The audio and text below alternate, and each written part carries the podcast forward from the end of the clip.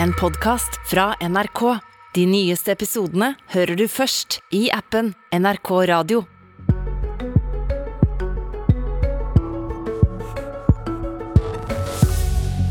Opposisjonspartiene snakker sammen i krokene på Stortinget, og kan være i ferd med å finne sammen i energipolitikken for å overkjøre regjeringspartiene.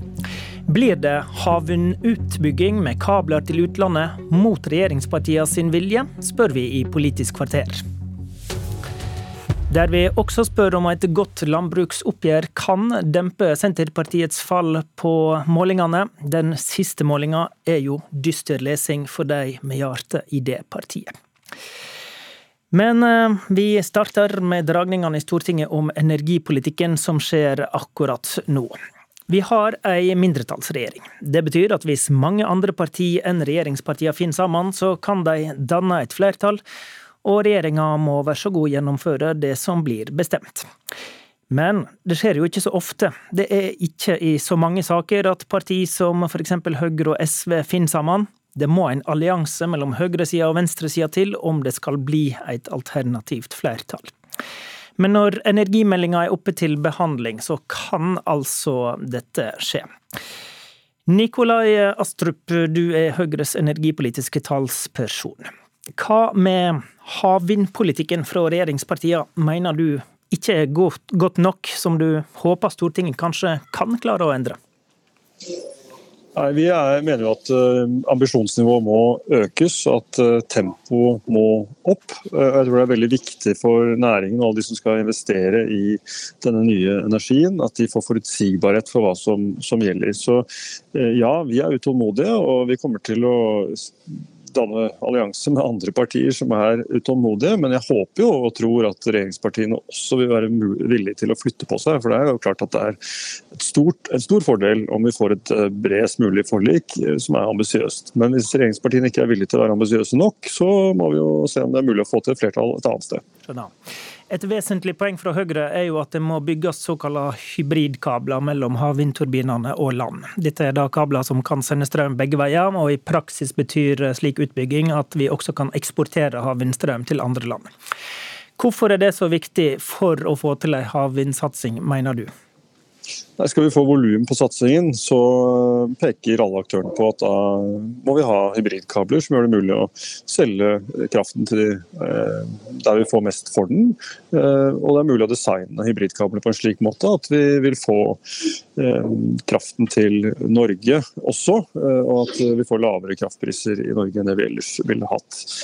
Så Alternativet er å subsidiere disse hybrid, altså disse, denne havvindsatsingen, og da blir det en, en mye mindre satsing og det blir mye dyrere dyrere for skattebetalerne.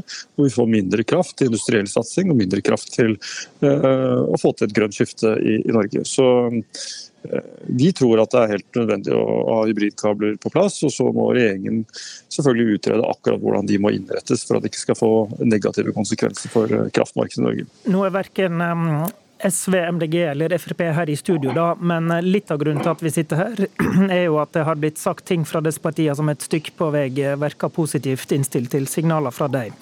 Tror du det er mulig å få med et sånt bredt flertall på å pålegge regjeringa havvindsatsing med slike kabler som du snakker om nå?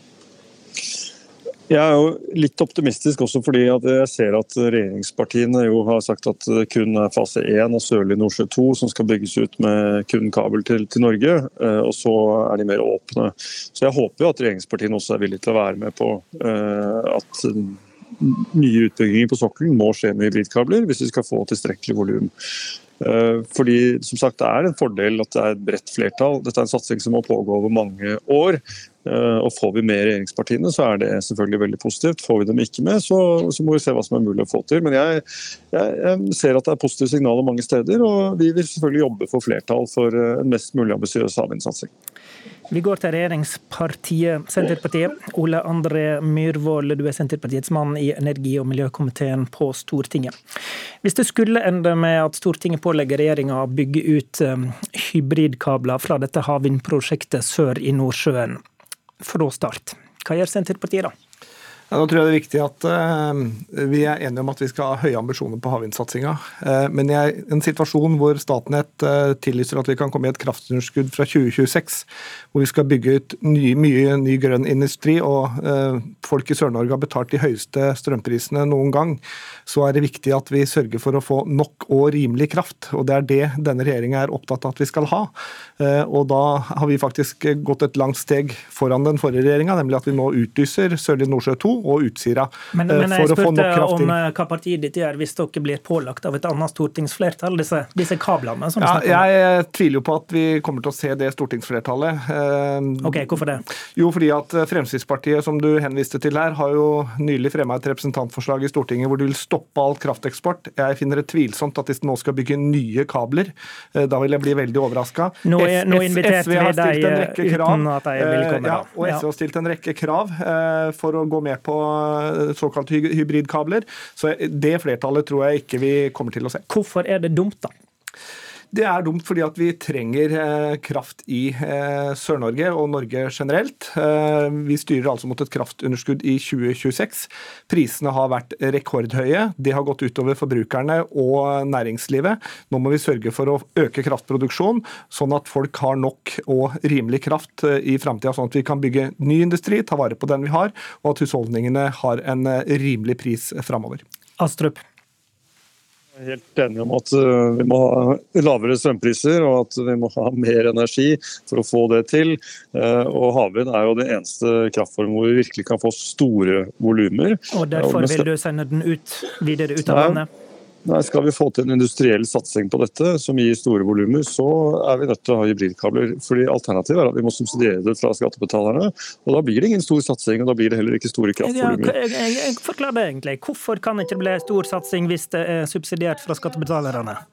Nei, fordi at uh, Nå har jeg sittet i regjering, og det er ingen regjering som kommer til å stille opp med så store subsidier som det vi da vil kreve. Altså Bare Sørlige Nordsjø 2 uh, så er det beregnet at uh, altså på den første fasen som regjeringen nå skal bygge kabel til Norge, så vil subsidiene antagelig ligge et sted mellom en halv og 1,8 milliarder kroner hvert eneste år i årlig tilførsel fra skattebetalerne. Okay. Får... Så Alternativet er at dette er kommersielt lønnsomt, og vi får tilgang til kraften. og Når det blåser, så skal jo denne kraften et sted uansett. Eh, hva det, hva det, har kostet å sette opp disse møllene. Så, så dette, er, eh, dette, er, viktig for Norge. Forstår. jeg. Vi får forklare lytterne at du sitter på en eh, flyplass, derfor støyen i bakgrunnen. Men eh, poenget, Myhrvold, eh, det krever voldsomme subsidier hvis en skal få fart på denne utbygginga, eh, slik Astrup sier. Poenget er at noen må betale for denne utbygginga. Den er jo ikke gratis. og de som da må betale med Astrups modell, det er jo norske strømkunder som må betale for denne utbygginga via såkalte flaskehalsinntekter som Det må du forklare. Ja, Det er altså inntektene man får ved å sende strøm i en, en kabel mellom to prisområder. Altså som kraftbransjen får? Ja, som kraftbransjen får. og De, er, de, de sier jo sjøl at dette er de svært interessert i, og det er ikke noe rart i, for det gir stor lønnsomhet. Jeg syns det, det, er litt jo, men, jo, jo, men hør, Mørvold. Ja. Hvis de pengene er henta fra forbrukere i Europa, der, der, prisene er høyere, da, eh, så kan jo det være med å finansiere ja, Nå er det jo sånn at Prisen i, i EUs energimarked flyter litt hvor betalingsviljen er størst, og det er jo det som er noe av årsaken til at Norge har fått den prisen vi har fått. fordi at den høye europeiske prisen har nå smitta over til Norge. Det å bygge flere utenlandsforbindelser, som dette i realiteten vil være, eh, vil bidra til ytterligere prissmitte fra eh, høye prisområder i Europa og inn i det norske markedet.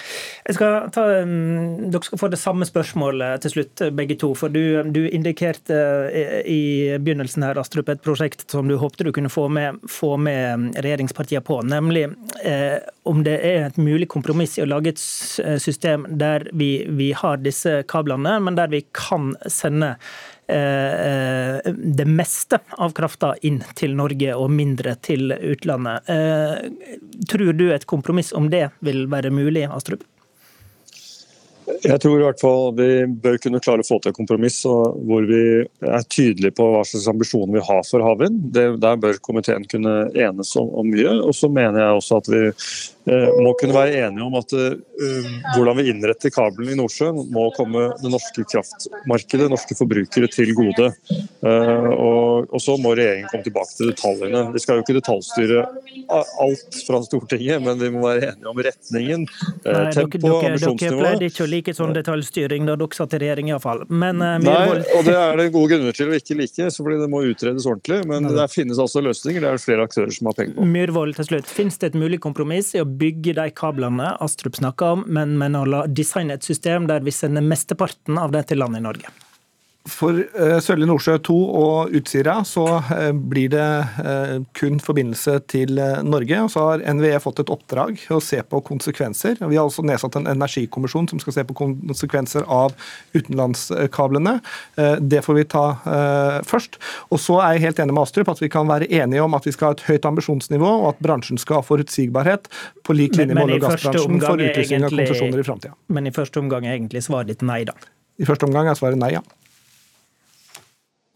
Abonner på Politisk kvarter som podkast og få sendinga rett til din mobil. På dagens partibarometer utført av eh, Norstat for NRK og Aftenposten er det interessante rørsler. Vi husker fra før at ingen regjering har fallet så bratt og raskt som denne. Men på denne målinga gjør Arbeiderpartiet et kraftig byks framover igjen, og med 24,8% er partiet ikke langt unna sitt eget valgresultat. Regjeringspartner Senterpartiet derimot holder fram ferda mot djupet. Nå har partiet 6,6. Det betyr at de er halvert siden valget i høst. SV er større enn Senterpartiet. Rødt også, så vidt. Politisk kommentator Lars Nehru sa det. Er en etablert sanning at eh, regjeringspartiene styrker seg i krisetid. Vi kaller det styringstillegg. Eh, og med pandemi, oppsving, prissjokk og krig i Europa har det vært krise nok for regjeringa gjennom vinteren. Men velgerne har jo ikke flokka til regjeringspartiene av den grunn. Hva skjer nå? Men nå skjer jo det at eh, Senterpartiets problemer vedvarer og, og nedgangen fortsetter, mens Arbeiderpartiet ser det litt ut til å ha snudd. Eh, frem til nå har jo begge partiene gått ned fra sitt eh, valgresultat, men, men på nyåret, eller i dette året vi er inne i nå, da, så ser vi at Arbeiderpartiet på snitt av målingene enten går frem eller så stille, mens Senterpartiets fall fortsetter. Og Denne målingen viser jo et Arbeiderparti som går betydelig frem, mens Senterpartiet går betydelig betydelig tilbake. Hva tenker du om dette styringstillegget som vi snakker om? Hvis resonnementet har vært at uh, velgerne går til, i en krisetid ikke vil forlate det man har, fordi man vet hva man har og ikke hva man får, og ikke vil eksperimentere når, når ting er urolig, uh, så kan man kanskje si at det Støre-regjeringen beviser, er at uh, når man er fersk, når krisen inntreffer, så gjelder ikke den tanken om at man nødvendigvis vet hva man har fordi det man nettopp har fått, er så nytt, for å si på den måten. Støre hadde ikke vært statsminister statsminister så lenge når krisene kom. I januar 2021 så var Senterpartiet på over 20% Valgresultatet på 13,5 var sånn sett en liten nedtur, men i historisk sammenheng svært godt. Eh, siden det har det gått ned, ned, ned. Hvem er det som forlater Senterpartiet?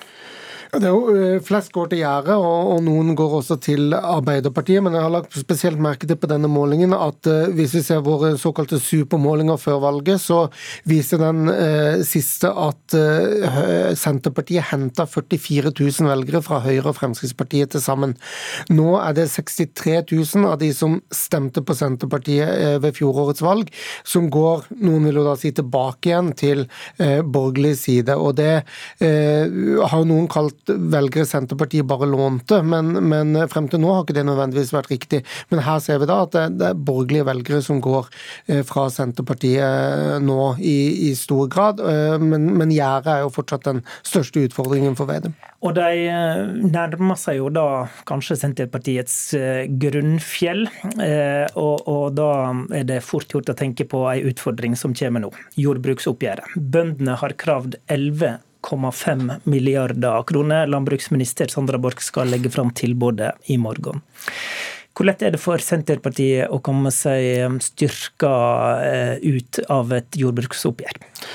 Det er krevende, spesielt når forventningene er så store som de er nå. Og også fordi at eh, man blir litt fartsblind på disse tallene i år, tror jeg. Rett og slett fordi at det er så veldig mye av det beløpet bøndene krever, som egentlig ikke er eh, til inntektsøkning, det er bare til å dekke utgifter. Så man må legge veldig mange milliarder kroner på bordet for å komme til null punkt for reelle inntektsøkningsforhandlinger, som jo er poenget.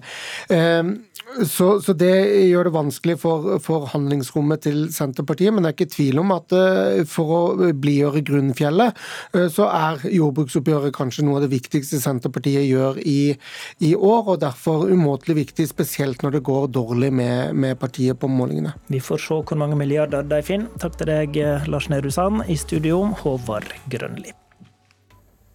Du har hørt en podkast fra NRK. De nyeste episodene hører du først i appen NRK Radio.